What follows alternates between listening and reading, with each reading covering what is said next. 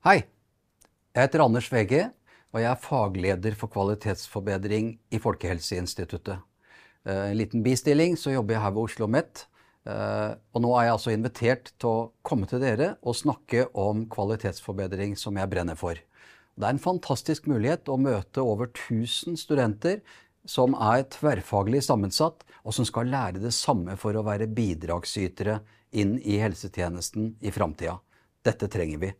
At dere er opptatt av kvalitetsforbedring. I arbeidet eh, ved Oslo OsloMet så er jeg en del av et emne for alle masterstudenter innenfor helsevitenskap. Og vi snakker om kvalitetsforbedring og implementering av kunnskapsbasert praksis. Disse tre modellene kommer dere til å møte mange ganger under studiet, forhåpentligvis. Kvalitetsforbedring til venstre, som er det jeg nå skal snakke om. I midten så er det knowledge translation, eller implementeringskunnskap. Og til høyre så ser dere kunnskapsbasert praksis-modellen. Og disse tre Eh, tilnærmingene, eller modellene, de bruker vi i emnet vårt for alle masterstudentene.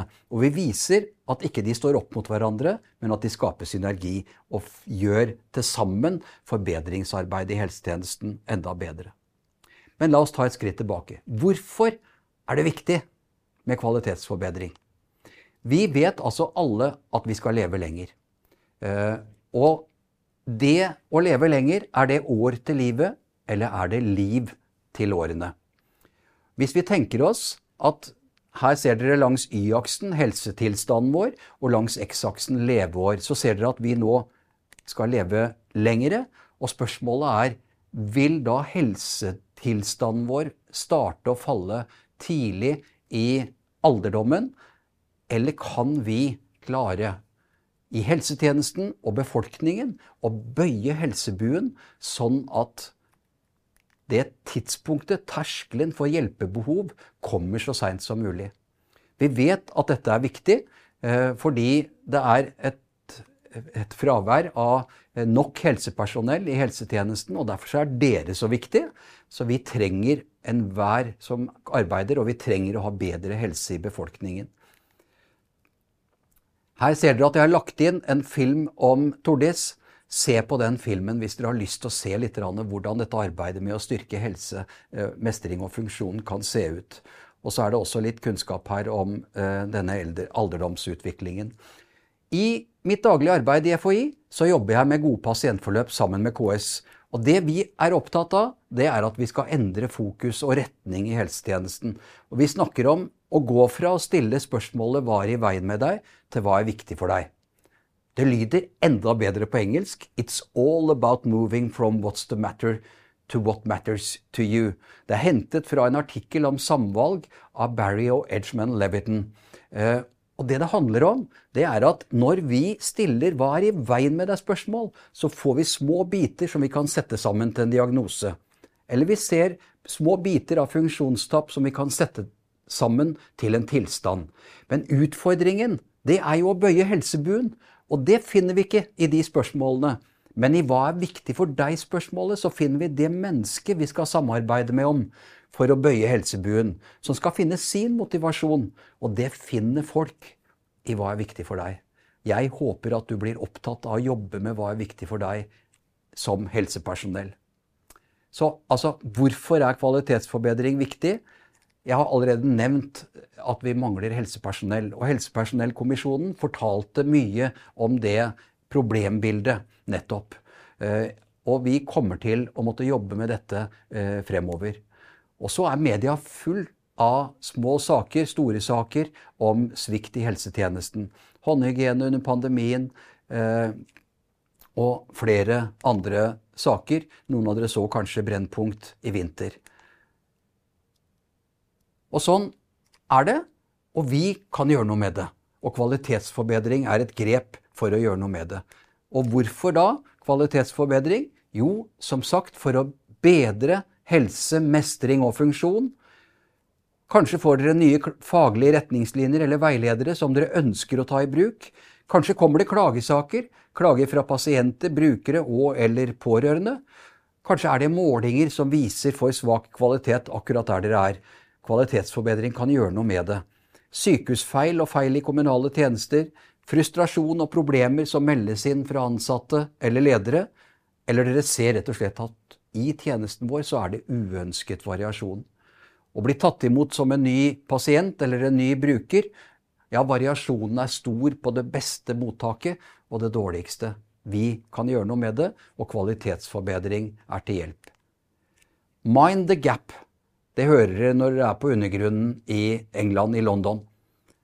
Og da er det å være bevisst på gapet mellom der vi er og dit vi skal. Og vi ønsker at dere skal ha en bevissthet på hvor dere står ute i helsetjenesten, hvordan dere arbeider, og hva dere ønsker å gjøre. Hvordan dere ønsker å gjøre det. Og Her skal dere få se en metode for å lykkes med kvalitetsforbedring. Denne har vi utvikla i Folkehelseinstituttet, og den bygger på Demming-sirkel. Planlegge, utføre, kontrollere og korrigere. Men vi har prøvd å fylle den med et mer praktisk innhold og operasjonalisert den. Og kvalitetsforbedring er viktig, fordi det er veldig få av oss som våkner om morgenen og liksom strekker oss og tenker 'hva kan jeg forbedre i livet mitt i dag'? Nei, vi starter med morgenrutinene, og når vi kommer på jobb, så fortsetter vi med jobbrutinene våre. Og det å bryte de mønstrene, de, også de uønska mønstrene, det forutsetter at vi jobber systematisk med forbedring.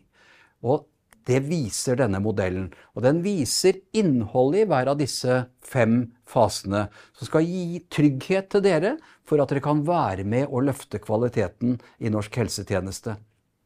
Og det begynner altså med forberedelser. Og i forberedelsene, fordi vi ikke våkner og ønsker å finne noe vi kan forbedre, så trenger vi å ha en felles erkjennelse av behovet for forbedring. Vi må vite at vi på denne arbeidsplassen er enige om at her trenger vi å bli bedre.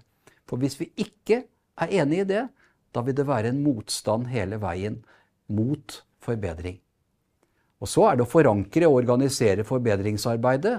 Det å sikre at lederne er med, er kjempeviktig.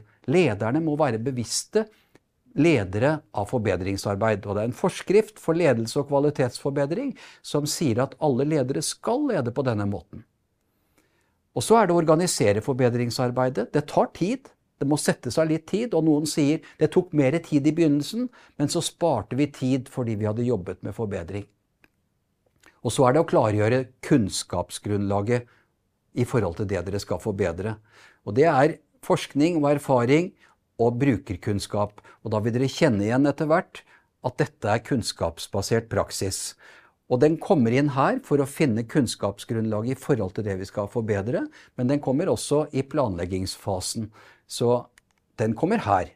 Det første dere skal gjøre, er å kartlegge behov og dagens praksis. Å kartlegge behov, det betyr å forstå pasientens perspektiv. Og klare å forstå hva er det pasienten har behov for. En del av det dekkes av spørsmålet hva er viktig for deg. Å kartlegge dagens behov sikrer oss også at når vi har knappe ressurser, så gjør vi de tingene som pasienten trenger at vi skal gjøre. Ikke de tingene vi tror at pasienten trenger at vi skal gjøre. Å kartlegge dagens praksis, det er nødvendig for å klare å ende i ny og bedre praksis. Så må vi vite hvor vi starter.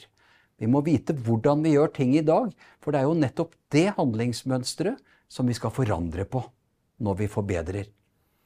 Så må vi sette mål, og da lager vi smarte mål. Smarte mål de er så konkrete som mulig. Spesifikke, målbare, ansporende, realistiske og tidsbestemte. Og så gir de energi. Og så, når vi har satt de målene, så lager vi et måleverktøy. Vi utvikler en måling som kan følge med på prosessen. Se om vi gjør det vi har blitt enige om å gjøre, og om vi er på rett vei, og om vi når målene våre. Det er det vi ønsker å bruke måleverktøy til.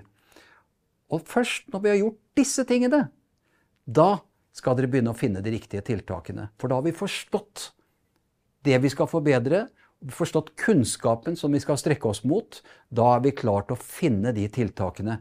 Og det er igjen kunnskapsbasert praksis. Finne og utvikle forbedringstiltak.